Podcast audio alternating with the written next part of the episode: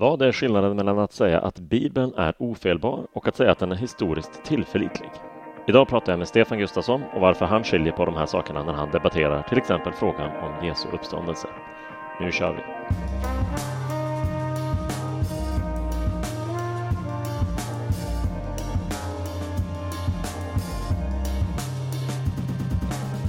Välkomna tillbaka till Apologia-podden.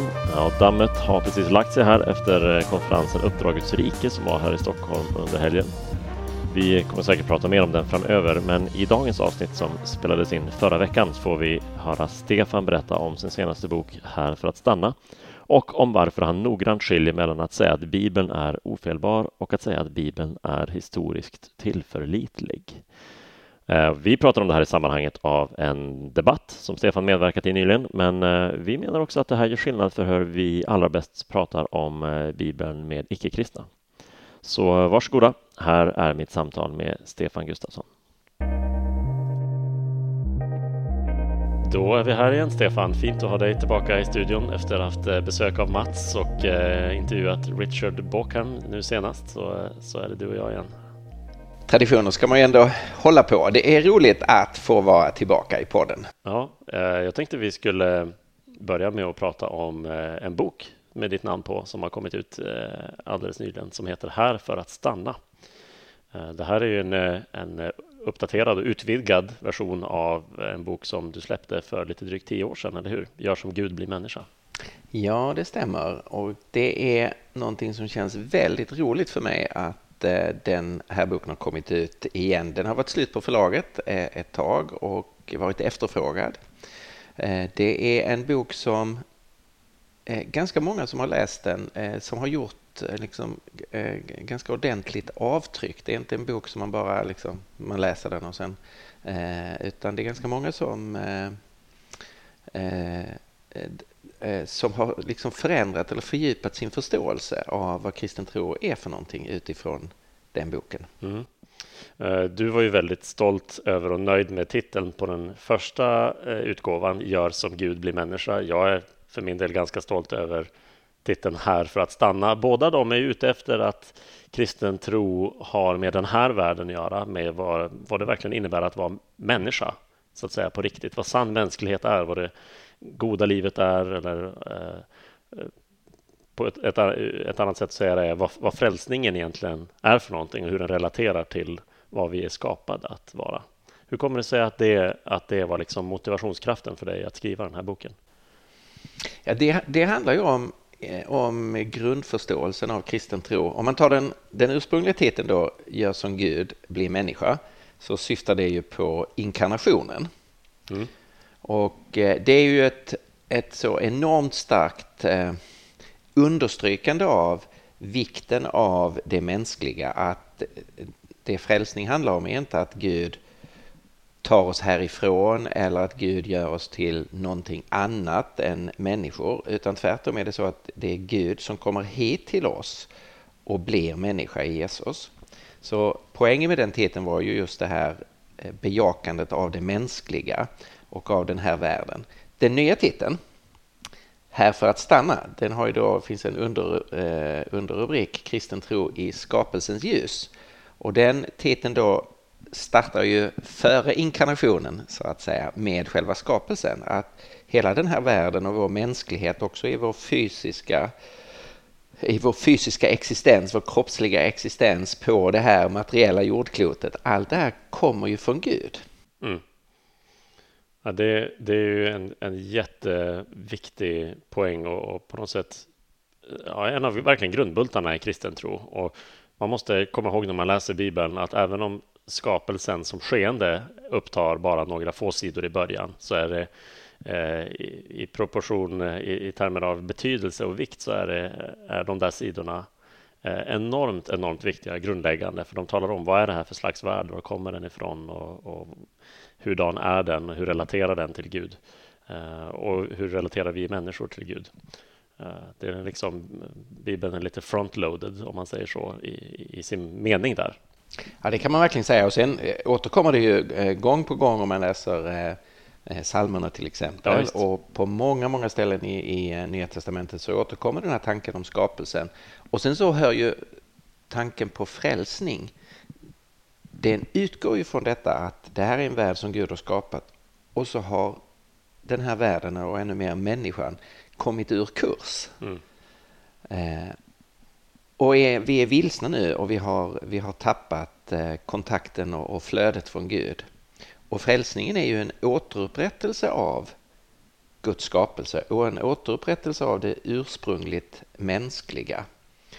Eh, och det är ett perspektiv som i väldigt mycket kristen förkunnelse har varit antingen borttappat eller, eller nedtonat så man har fått ett intryck av att frälsning är någonting helt nytt mm. när det i verkligheten är det ursprungligas återkomst. Och jag tycker sett i ett större perspektiv så finns det ju en om man eh, om man vill göra så att säga, misstaget att dra flera religioner över en kam eller tänka på andlighet i abstrakt mening så finns det någon slags förståelse av att pilen är riktad bort från det fysiska, bort från det materiella mot någon slags andlig, osynlig, immateriell sfär. Det är ju en ganska platonsk eller liksom grekisk tanke inte minst att man ska liksom fly kroppens fängelse, själen ska frigöras och så vidare. Och det där är ett synsätt som, som präglar hur många av oss på något sätt tänker kring vad andlighet i sig är. Men det här, eh, din, din bok och att verkligen gå eh, till botten med vad Bibeln säger om det här är ju ett sätt att närma sig det som är så speciellt och unikt med kristen tro. Inte att pilen är bort från den här världen, utan tvärtom, det är Gud som kommer till den här världen i inkarnationen. Du har pratat om skapelsen, men, men också inkarnationen. Frälsningen är liksom riktad hitåt, mot den här världen, där den behövs så desperat. Och det är ju det är så spännande att det är ett, ett perspektiv som verkligen präglar Bibeln. Bibeln börjar ju med skapelsen. Det slutar med en ny himmel och en ny jord. Mm. Där det nya Jerusalem kommer ner till jorden. I, i den kristna trosbekännelsen den slutar ju med att tala om eh, dels Jesu uppståndelse, den kroppsliga fysiska uppståndelsen från döden. Eh, och sen Eh, Eh, hur vi väntar på att Jesus ska komma tillbaka och så väntar vi på de dödas uppståndelse, alltså den kroppsliga uppståndelsen. Så det här är liksom inte lösa detaljer i den kristna tron utan det här är den eh, övergripande, den bärande linjen. Hur Gud har skapat världen och vinner världen tillbaka eh, och räddar den, befriar den ifrån syndens och djävulens och, dödens grepp som vi nu sitter fast i. Ja. Eh, ja, nej, det, det, är så bra att, att du har skrivit den här boken och jobbat med den eh, så mycket. Och jag tycker i, i liksom perspektivet av det vi ger ut i Apologia också så sänder den en så viktig signal. För vi jobbar ju jättemycket med den kristna trons sanning. Eh, vi argumenterar för, förklarar visst och, och, och försvarar att det finns goda skäl för den kristna tron och för att bli en kristen. Men den kristna trons mening och innebörd är ju såklart helt central. Det finns massa saker som är sanna men triviala och ingen skulle bry sig om att förklara eller försvara sådana meningslösa sanningar. Här är ju verkligen en bok som då så att säga tydligt målar upp vad är det som gör den kristna tron inte bara sann utan meningsfull och, och, och också attraktiv. Mm. Nej, det är ju apologia, det är ju eh, vi försvarar kristen tro och jag är i många sammanhang känd Eh, känd och benämnd som apologet, en som försvarar eh, den kristna tron. Och då, då är det ju helt avgörande, vad är det för slags kristen tro vi försvarar? Vad, vad är det för grundläggande livsperspektiv som vi förklarar och försvarar? Och här är Här för att stanna är en så, så viktig bok för, för oss i Apologia och den är så viktig för mig när det gäller att ha försökt sätta ord på vad är den bärande linjen i, eh, i den kristna tron. Mm. Ja, nej, men så jättekul att den äh, ligger på Uh, finns på lager nu igen, inte slut, utan uh, den, uh, den finns här och den är inte här för att stanna utan här för att skeppas ut. den är här för att skeppas ut och den är ju, har ju inte bara en ny titel utan det finns ju också en hel del nytt material. Så att det är ju en, eh, eh, en varsamt reviderad text av den förra utgåvan plus fyra helt nyskrivna kapitel där jag har arbetat vidare med ett antal frågeställningar och visat hur den här grundläggande tanken om eh, frälsning som skapelsens upprättelse, hur det går igen på, ett, på ytterligare områden som jag inte tog upp i, eh, i bokens första utgåva. Så det känns också väldigt roligt att ha med både kapitel om Eh, profeterna i Gamla Testamentet, hur eh, man ser deras budskap om vad det är Gud är på väg att göra. Eh, och sen i Nya Testamentet synen på församlingen. Vad är det Gud kallar oss till? Och synen på Guds ledning. Eh, hur, eh, hur är dynamiken mellan Gud som vår, eh, vår fader, Jesus som vår Herre och sen oss då som Guds barn och som efterföljare till, till Jesus när det gäller när det gäller valen vi gör i vårt, vårt liv och Guds ledning. Mm. Där Eh, där vi människor är involverade i större grad än vad jag tror många kristna eh, är, eh, är medvetna om. Och sen är det också ett kapitel om synen på människan. Hur ska man se på alla de här uttrycken som finns i, i framförallt i Nya Testamentet om människan som, som ande, som själ, som kropp. Vad har Bibeln egentligen för en människosyn? Ja, det där är ju oerhört intressant. Kan man säga att människan består av flera olika saker och i så fall hur många? Hur många består vi av? Är mm. vi en byggsats från Ikea med 14 delar? Ja, nej, det är jätteintressant och det kan jag tänka mig också ett av kapitlen där som kanske kan generera mest diskussion och som vi kanske får komma tillbaka till någon gång eh, här och, och prata vidare om. Ja, men, eh, men gärna det. Det är, en ganska, det är en ganska viktig fråga för det handlar ju om hur man, hur man ska förstå sig själv och hur man eh, eh för att ta ett uttryck från Paulus, vi är ju kallade att bära fram oss själva inför Gud som ett levande offer, alltså presentera oss själva för Gud och, och säga här är jag, använd mig. Och då vår, vår, förståelse av vad vi är för någonting, vilka vi är och hur man ser på sig själv, det är, liksom, det, är en ganska viktig del av, eh, av det kristna livet. Enormt viktig. Mm. Ja, det får vi komma tillbaka till. Nu är ju inte meningen att vi bara ska sitta och prata om eh, din senaste bok här idag. Eh, vi skulle prata... Jag hade annars tänkt att jag kunde ha högläsning från kapitel 1 till Ja, det är klart. Vi skulle kunna byta namn från Apologia-podden till ljudboken med Stefan Gustafsson. Till exempel? Ja, till exempel. Ja. Men, eh, men vi sparar det till ett annan gång i så fall. Eh, vi skulle ju prata om Skeptikerveckan i Åbo som du kom hem från för några dagar sedan. Yes. Eh, vad är en skeptikervecka egentligen? Det är en vecka för skeptiker. Det är alltså en inbjudan till en som inte är kristen och som i vår kultur ju ganska ofta har en, en skeptisk, frågande, undrande Eh, inställning till eh, kristen tro. Det är ett koncept som har arbetats fram eh, bland de kristna studentrörelserna och finns under lite olika namn över, idag över hela Europa. Ibland kallas det för Mission Week och här i Norden har det ganska ofta kallats för Skeptikervecka. Mm. Berätta, vilka, vilka var det som arrangerade den i Åbo? Just det, så det här var eh, då eh, den finska, finska studentrörelsen. Mm. Och tillsammans med en, det finns en organisation som heter Veritas som startade vid Harvard i, i, i USA och som jobbar med offentliga dialoger om kristen tro. Och det finns en nationell Eh, Veritas organisation i Finland också som står väldigt nära den finska studentrörelsen. Så det var eh, studentrörelsen och Veritas. Det låter ju enormt kul tycker jag när jag hör det spontant. Så här, åh, jag skulle vilja se sådana här veckor äga rum i Sverige. Jag skulle vilja vara med. Eh, jag skulle vilja få chansen att, att finnas med i samtalen och, och sådana här saker. Vem skulle kunna vem skulle kunna se till att en skeptikervecka äger rum? Är det bara för studentmiljöer och vad behöver man för att kunna liksom, testa göra något sånt här? Jag delar din entusiasm. Jag tycker det här är, det är fantastiskt spännande och eh, jag tycker att det här är ett, ett sätt att tänka som, eh, som vi måste eh, ta till oss i svensk kristenhet och, och börja fundera på hur vi kan utveckla och konkretisera. Det är ju lite enklare i en studentmiljö på, på det sättet att här har du en, på ett universitet, en högskola, då har du redan människor samlade Eh, i, i en viss miljö. Ja, en relativt likartad grupp människor som man är där med likartade syften. Finns ju en visst gemensamt drag då att man håller på med studier och det, en, en intellektuell aspekt finns med i allas vardag så att ja, säga. Så det, det, det, gör det hela lite enklare. Men det är ju inget som som är begränsat till just en, en, studentmiljö. Man kan ju tänka sig förstås en församling som hyr in sig på ett café eller på biblioteket eller i Folkets hus eller eh, vad som helst och eh, har öppna offentliga samlingar, inbjuder människor i närmiljön mm. att, eh, eh, att undersöka den kristna tron.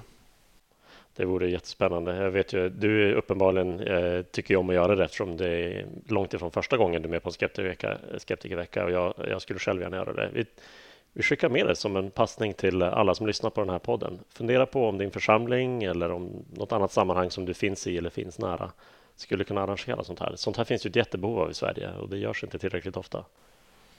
Nej, det är, det är någonting som skulle kunna vara ett, ett viktigt komplement till sånt som vi gör. Vi, vi samlas ju till gudstjänst och många församlingar jobbar med att eh, en gudstjänst ska också vara möjlig för en icke-kristen att, eh, att komma med på och ha ett utbyte och förstå. Eh, vi jobbar med alfagrupper som är jätteviktigt, med vänskapsevangelisation, med diakonalt arbete. Men här är liksom en, någon sorts blind fläck. Det här att ha en, en öppen kommunikation av, av kristen tro i en miljö och ett sammanhang som är eh, välbekant för den, för den som inte är kristen. Alltså där man har tagit bort trösklarna av att behöva ta sig till ett nytt sammanhang, att förstå en ny form. Alltså, så man har ju inte lovsång och bön och, eh, och så, mm. utan eh, där det är eh, innehållet i den kristna tron och hur det förhåller sig till verkligheten, hur det förhåller sig till andra livssyner Eh, man inbjuder att eh, låt oss prata om det här. Mm. Ja, nej, vi hoppas vi får se eh, fler och härliga exempel på det här i Sverige. Vi eh, tar en liten paus och sen eh, när vi kommer tillbaka ska vi prata om debatten från den här skeptikerveckan.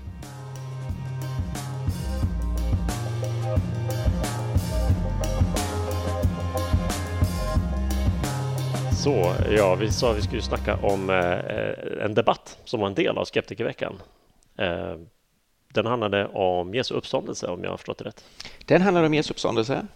Eh, debatter är ju ofta det bästa sättet att, eh, att samla en lite större människa, eh, större skara människor och framförallt människor som då inte är, är kristna som kanske i första hand inte, inte kommer om man har en kristen tematik men som är intresserade av att få höra en kristen samtala med en Eh, en, en icke-kristen. Och som lite grann hoppas att en kristen ska åka dit. Så är det oftast. Så är det oftast.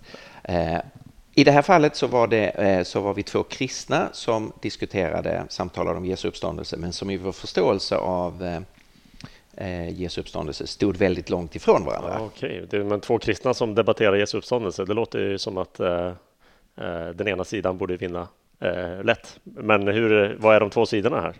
Jag hade alltså ett en debatt med en teolog från Helsingfors eh, universitet som heter Matti Myllykoski. Mm. En eh, mycket trevlig, sympatisk och eh, lärd man. Ja. Men som när det gäller förståelsen av den kristna tron har som, han, han ville själv inte använda termen en existentialistisk syn samtidigt som jag uppfattade att i det var exakt det som han hade, alltså att de faktiska, de faktiska händelserna, den tomma graven, vad som hade hänt med kroppen, lärjungarnas verkliga möten med en uppstånden Jesus, det var eh, eh, inget viktigt utan snarare någonting som han menade vi inte kan veta någonting om. Nej, just det. Så det är snarare någon slags subjektiv upplevelse som är poängen? Det, det blir snarare en, en inre eh, upplevelse, en erfarenhet som om eh, man kan säga han förstod mer i termer av en allmänmänsklig erfarenhet, alltså det, den erfarenheten som lärjungarna hade, gör liknande religiösa, andliga, livsomvälvande erfarenheter gör människor i andra religioner, andra platser, andra tider. Så det är mer någon sorts universellt fenomen som fick den här konkreta utformningen just när det gäller händelserna runt Jesus när man har en debatt, det är på något sätt det mest intressanta med en debatt är ju ofta där, där meningsskiljaktigheterna blir så här riktigt tydliga, där man får liksom en kontur, en kontrast mellan eh, era synsätt. Då. Var skulle du säga att debatten på något sätt brände till, eh, där det blev så tydligt? Eh, det, det var ju ett, ett, antal områden som, eh, som det brände till på. Hela vår grundläggande förståelse av eh, eh vad som väckte lärjungarnas tro skilde sig åt. Mm. Men det var också en, en, en, intressant skiljelinje i hur man ser på de historiska texterna som vi har om uppståndelsen. Där, där Matti Eh, menade att det finns så pass mycket problem och motsägelser och osäkerheter i evangeliernas texter så det går inte att rekonstruera i tillräcklig grad okay. vad det är som har hänt. Det är lite problem, så att säga, problemet ur hans perspektiv då med flera evangelier och är det antalet änglar vid graven? ja, det är mer att de eh, texterna ser ut att på ett antal punkter spänna mot varandra, inte ge en identisk bild av, eh, av händelseförloppet. Okej, okay, okay. vad svarar du på det? Eh, ja, jag, jag, här, här, finns en, tycker jag, en väldigt intressant eh, lärdom eller reflektion. Jag uppfattar att hans kritik eh, väldigt mycket utgår från en föreställning uh, av uh, det som kyrkan, uh, det som är kyrkans traditionella uppfattning att Bibeln och därmed evangeliens texter är, är ofelbara texter. Ja, och därför så tar vi dem på allvar då i, i rakt av i alla detaljer. Mm. Och om man då kan hitta saker som ser ut som motsägelser eller där texterna ser ut att ge olika perspektiv eh, så faller liksom den, den tanken på att de här är ofelbara texter och så drar man då slutsatsen att därmed kan vi inte veta vad som har hänt. Ja, det är någon slags allt eller inget approach på något sätt. Just det. Utifrån en föreställning om eh, ofelbara texter inspirerade av Gud. Ja. Eh, och då, då är faktiskt min grundläggande respons att här behöver vi skilja på eh, historia och teologi. Mm. Så eh, det är ju ingen hemlighet att jag själv har en, ett, ett väldigt högt förtroende för, eh, för Bibelns texter. Ja, Men man behöver inte ofelbara texter för att kunna Eh, för att kunna återskapa eh, historiska händelseförlopp. Det skulle se mörkt ut för resten av antiken i så fall. Ja, det skulle det verkligen vara. För all historia. Så mitt exempel i debatten var då, ja men låt oss ta eh, Josefus. Den judiska historieskrivaren som eh, återberättar så mycket av eh, vad som hände under det första, eh, under det första århundradet i sin bok eh, det, det, judiska kriget. Alla är överens om att Josefus eh, överdriver på en del ställen, att han motsäger sig själv på en del ställen. Han vill ställa sig in hos vissa grupper. Och han saker. har en väldigt tydlig agenda ja. och det går att identifiera alldeles uppenbara fel hos Josefus. Mm. Så det finns ingen, ingen som hävdar att Josefus är ofelbar. Samtidigt så är Josefus en av våra viktigaste historiska källor när det gäller att rekonstruera vad hände egentligen eh, i antiken. Om vi tar till exempel då första århundradet och det judiska kriget och, och kejsarna som följde sen. Så det krävs inte ett ofelbart material för att ha en meningsfull diskussion om historiska händelser. Det här spelar ju jättestor roll, tänker jag, inte bara för din debatt med en akademiker. Det har ju jättemycket att göra med hur vi pratar om Bibeln med alla människor som inte delar vår tro. Alltså att vi inte ska gå från, från liksom noll, från eh, ska man säga, ointresse för Bibeln eller en syn på att Bibeln är, är, så att säga, historiskt irrelevant eller värdelös till den är ofelbar i ett enda steg. Det är inte så vi ska prata om Bibeln eller det är inte, inte ett rimligt krav att ställa av någon, eller hur? Nej, jag tror att det är mycket visare att börja med evangelierna som ett tillräckligt bra historiskt material ja. för att vi ska komma i kontakt med Jesus från Nasaret, vad som hände, hans liv, hans undervisning, hans person, hans avrättning, begravningen, vad som hände efteråt. Det är tillräckligt bra material för att vi ska kunna ta ställning till det. Sen kan man längre fram få upptäcka att detta som man har utgått från som ett tillräckligt bra material, vilket det finns mycket goda historiska skäl att säga det här är ett tillräckligt bra historiskt material. Sen kan man få upptäcka en dimension till, att det faktiskt är ett ännu bättre material än vad jag hade i min utgångspunkt. Ja, visst. Ja, det blir ju så lätt ett cirkelresonemang också om man ska börja liksom på något sätt hävda som startpunkt att Bibeln är ofelbar. Annars kan vi inte läsa den eller titta på den överhuvudtaget. Och det är ju då en, en startpunkt som de flesta som inte är kristna absolut inte delar och då har jag redan liksom brutit min kommunikation med dem redan innan vi har kommit igång. Det blir svårt att komma vidare. Mm. Ja. Eh, hur var responsen på, på det här resonemanget i debatten?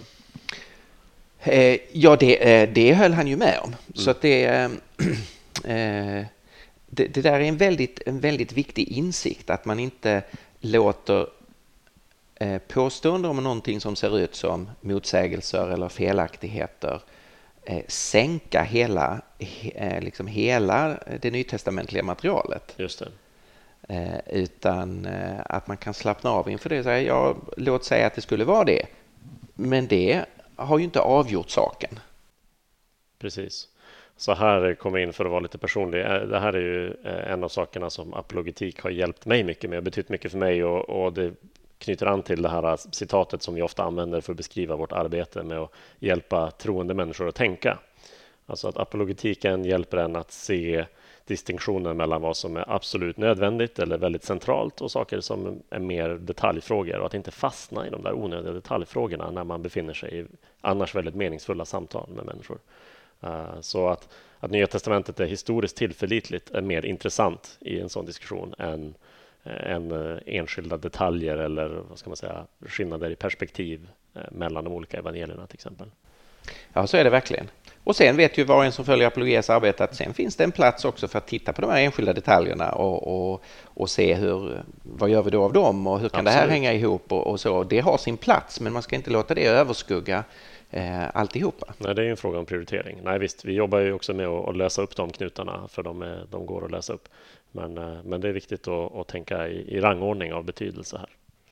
De har lovat eh, från eh, Finland att Eh, debatten ska läggas ut på Youtube om inte allt för länge så att eh, det samtal, den debatt vi har pratat om här eh, är möjligt för den som vill att kunna se framöver. Mm, det ska vi hålla ett öga på. Ja, Stefan, tiden går fort när vi sitter här och babblar. Jag tror att vi avrundar vårt samtal för den här gången. Tack för att du stannade här i studion en stund och vi påminner lyssnare om att kolla in Här för att stanna. Man kan köpa den på Apologia apologiaförlag.se eller du hittar dit via apologia.se bara. Eh, kanske är någon som kan få ett eh, hårt och kantigt paket under granen om några veckor. Yeah! Tack för idag Stefan. Vi hörs. Tack själv. Ses.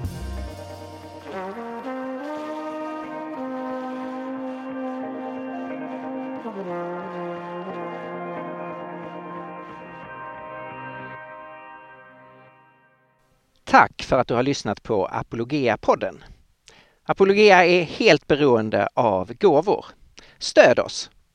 Gå in på apologia.se, klicka på Engagera dig så hittar du swishnummer och bankgiro. Tack för att du hjälper oss!